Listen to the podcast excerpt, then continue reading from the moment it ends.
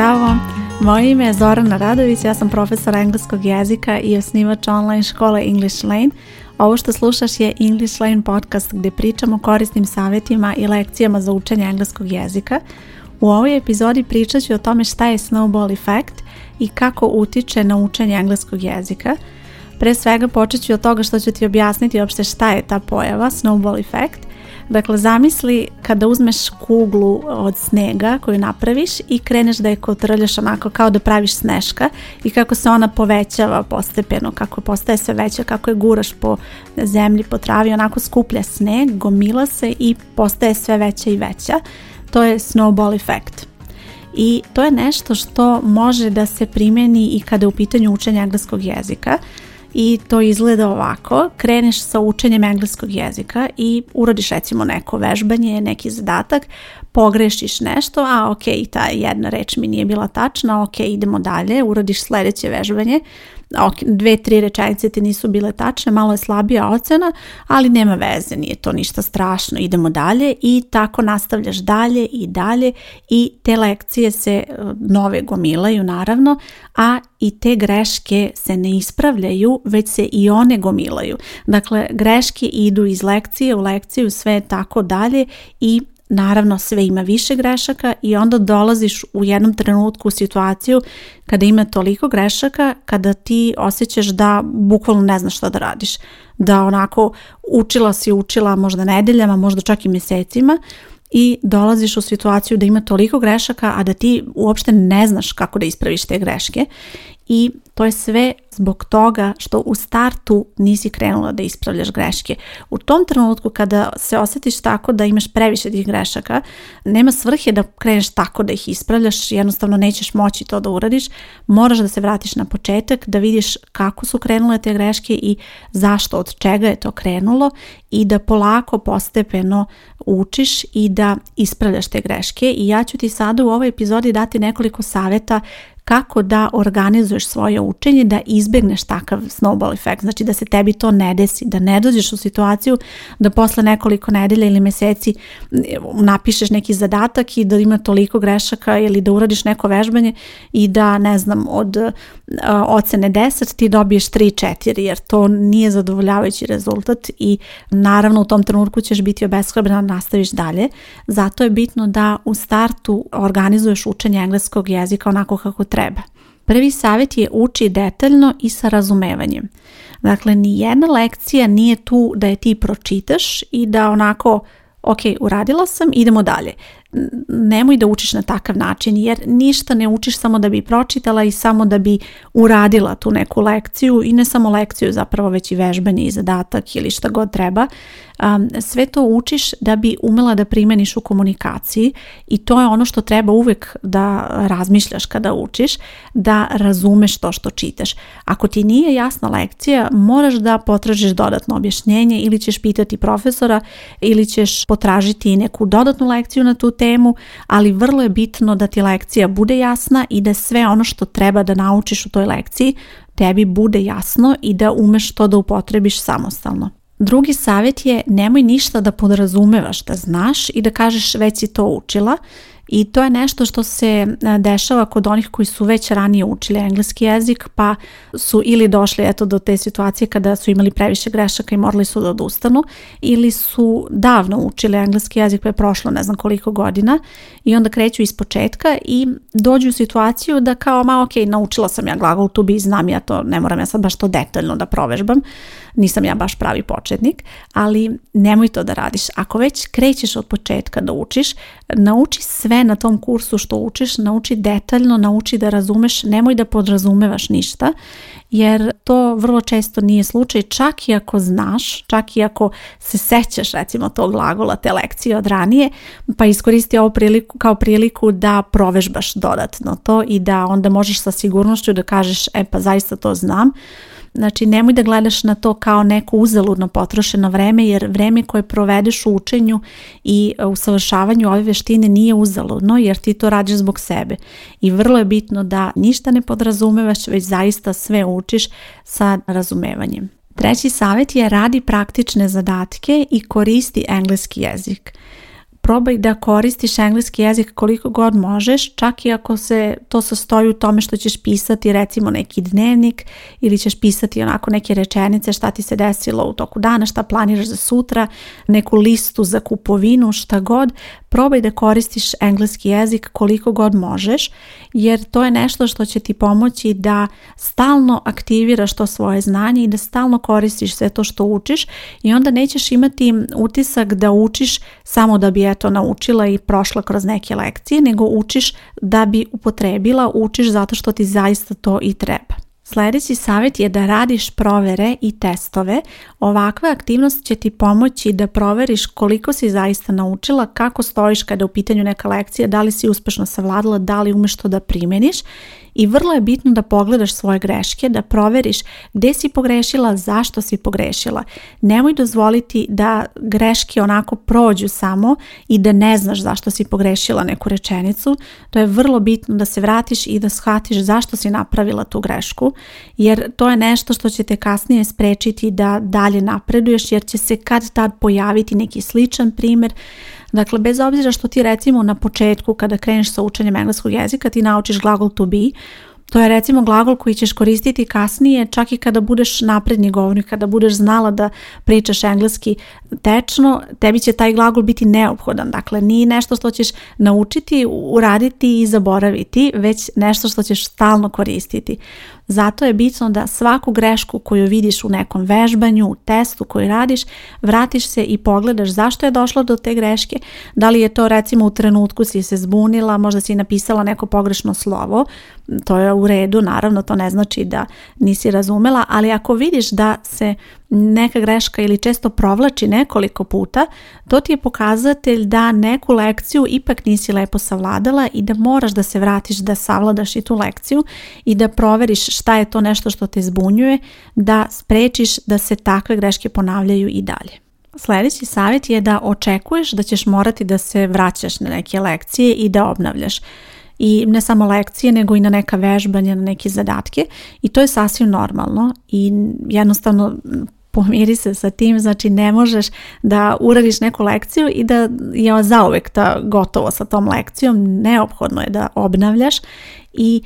to je nešto što treba da očekuješ kada kreneš sa učenjem engleskog i ti ćeš najbolje sama proceniti koje su to lekcije na koje treba da se vratiš. Normalno je da će ti neke lekcije praviti više problema, da će ti biti potrebno više vremena da naučiš neke lekcije i to je sasvim u redu. Na neke lekcije ćeš se možda vraćati i po 3-4 puta, e, to je sasvim u redu i to je neophodan deo celog tog procesa učenja, jer bez toga nećeš moći da ideš dalje. Znači ne možeš konstantno da učiš nešto novo, i da očekuješ da je to sve, da, da si svaki put bolja, da jednostavno nisi u ni u jednom trenutku obnovila sve, jer se stvari zaborave, vremenom to je sasvim normalno, pogotovo ako ne koristiš engleski dovoljno, ako ne vežbaš redovno, ako ne radiš stalno neke aktivnosti koje će ti pomoći da budeš u kontaktu sa engleskim jezikom i zato je bitno da u nekom trenutku staneš i da kažeš ok, sad moram da obnovim malo neke lekcije pa ću dalje nastaviti dalje. Nema ništa loše u tom tome i to ne znači da si pogrešila u nečemu, ne znači da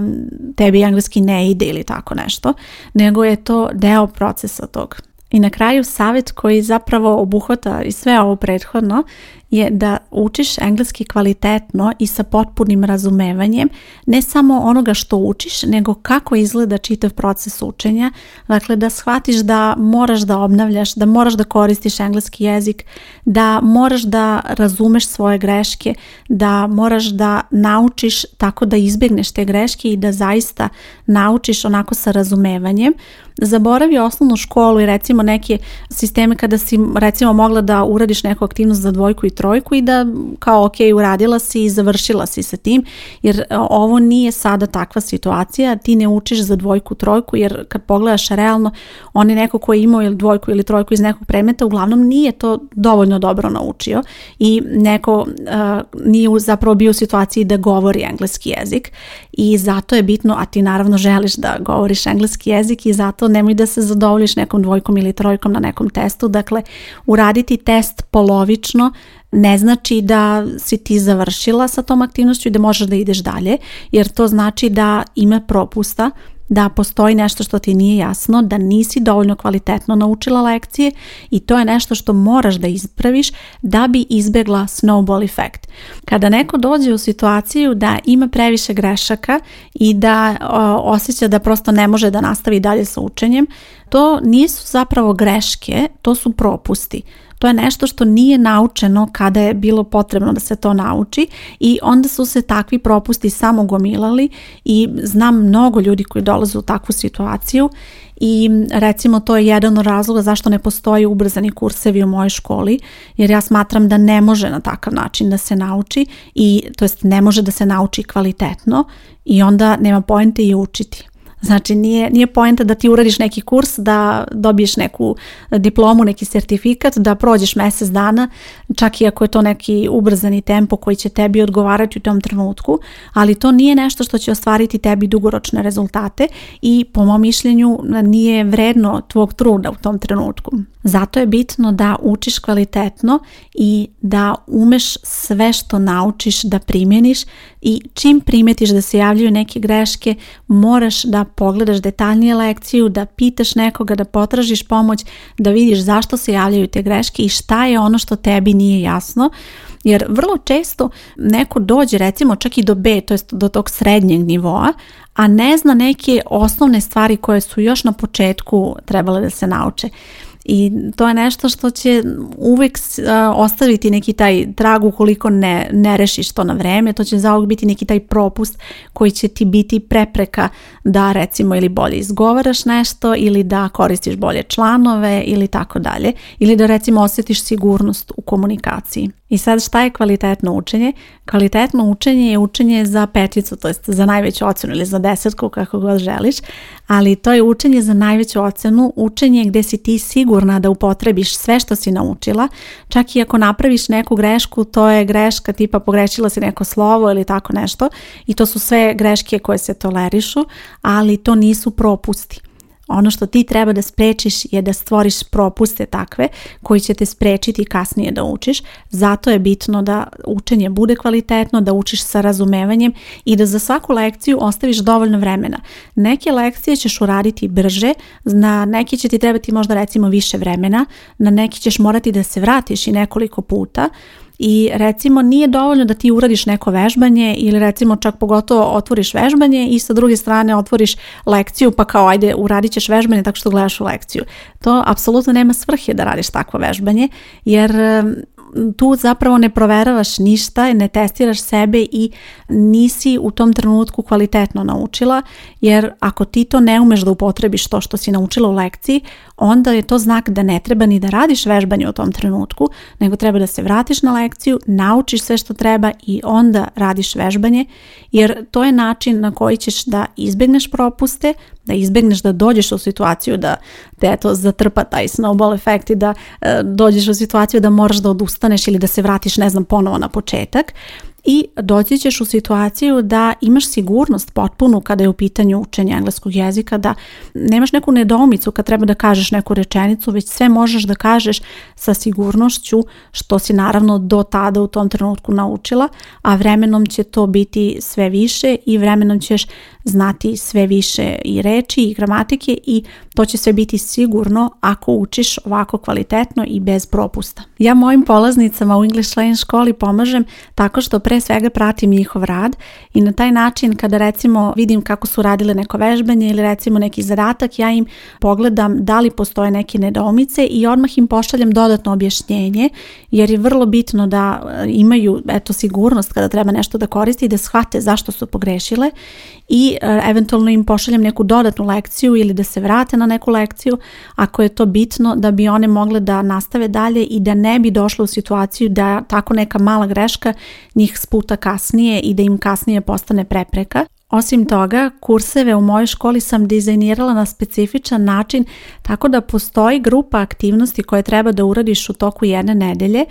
i možeš da uradiš to sporije eventualno kad nisi imala dovoljno vremena jer znam da ćeš doći do toga da ćeš uraditi zaista, ali ne možeš da ih uradiš brže od toga. Ja jednostavno ne podržavam takav način učenja jer smatram da nema efekta i da nećeš dobiti rezultate kakve želiš i da nema smisla ulagati vreme u nešto što neće dati rezultate i zato je vrlo bitno da ispratiš taj program i da uradiš onako kako je to predviđeno programom da bi ostvarila najbolje rezultate i da bi izbjegla da stvoriš bilo kakve propuste i bilo kakve nedoumice koje bi te u nekom trenutku kasnije sputale. Ako ne učiš sa razumevanjem i ako ne učiš kvalitetno i ako ne koristiš engleski jezik, ti ćeš u jednom trenutku doći do toga da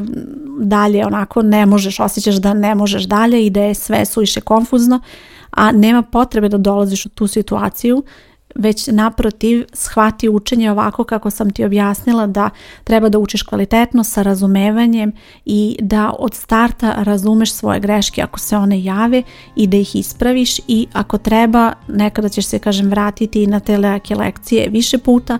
ali dok god je to tebi u interesu i dok god tebi to pomaže da zaista naučiš engleski jezik, onda je to i vredno truda. Ako želiš da saznaš više o English Lane online školi, na ovoj stranici gdje slušaš podcast ostavit ću link. Moje ime je Zorana Radović, hvala ti što slušaš podcast i čujemo se u sljedećoj epizodi. Ćao!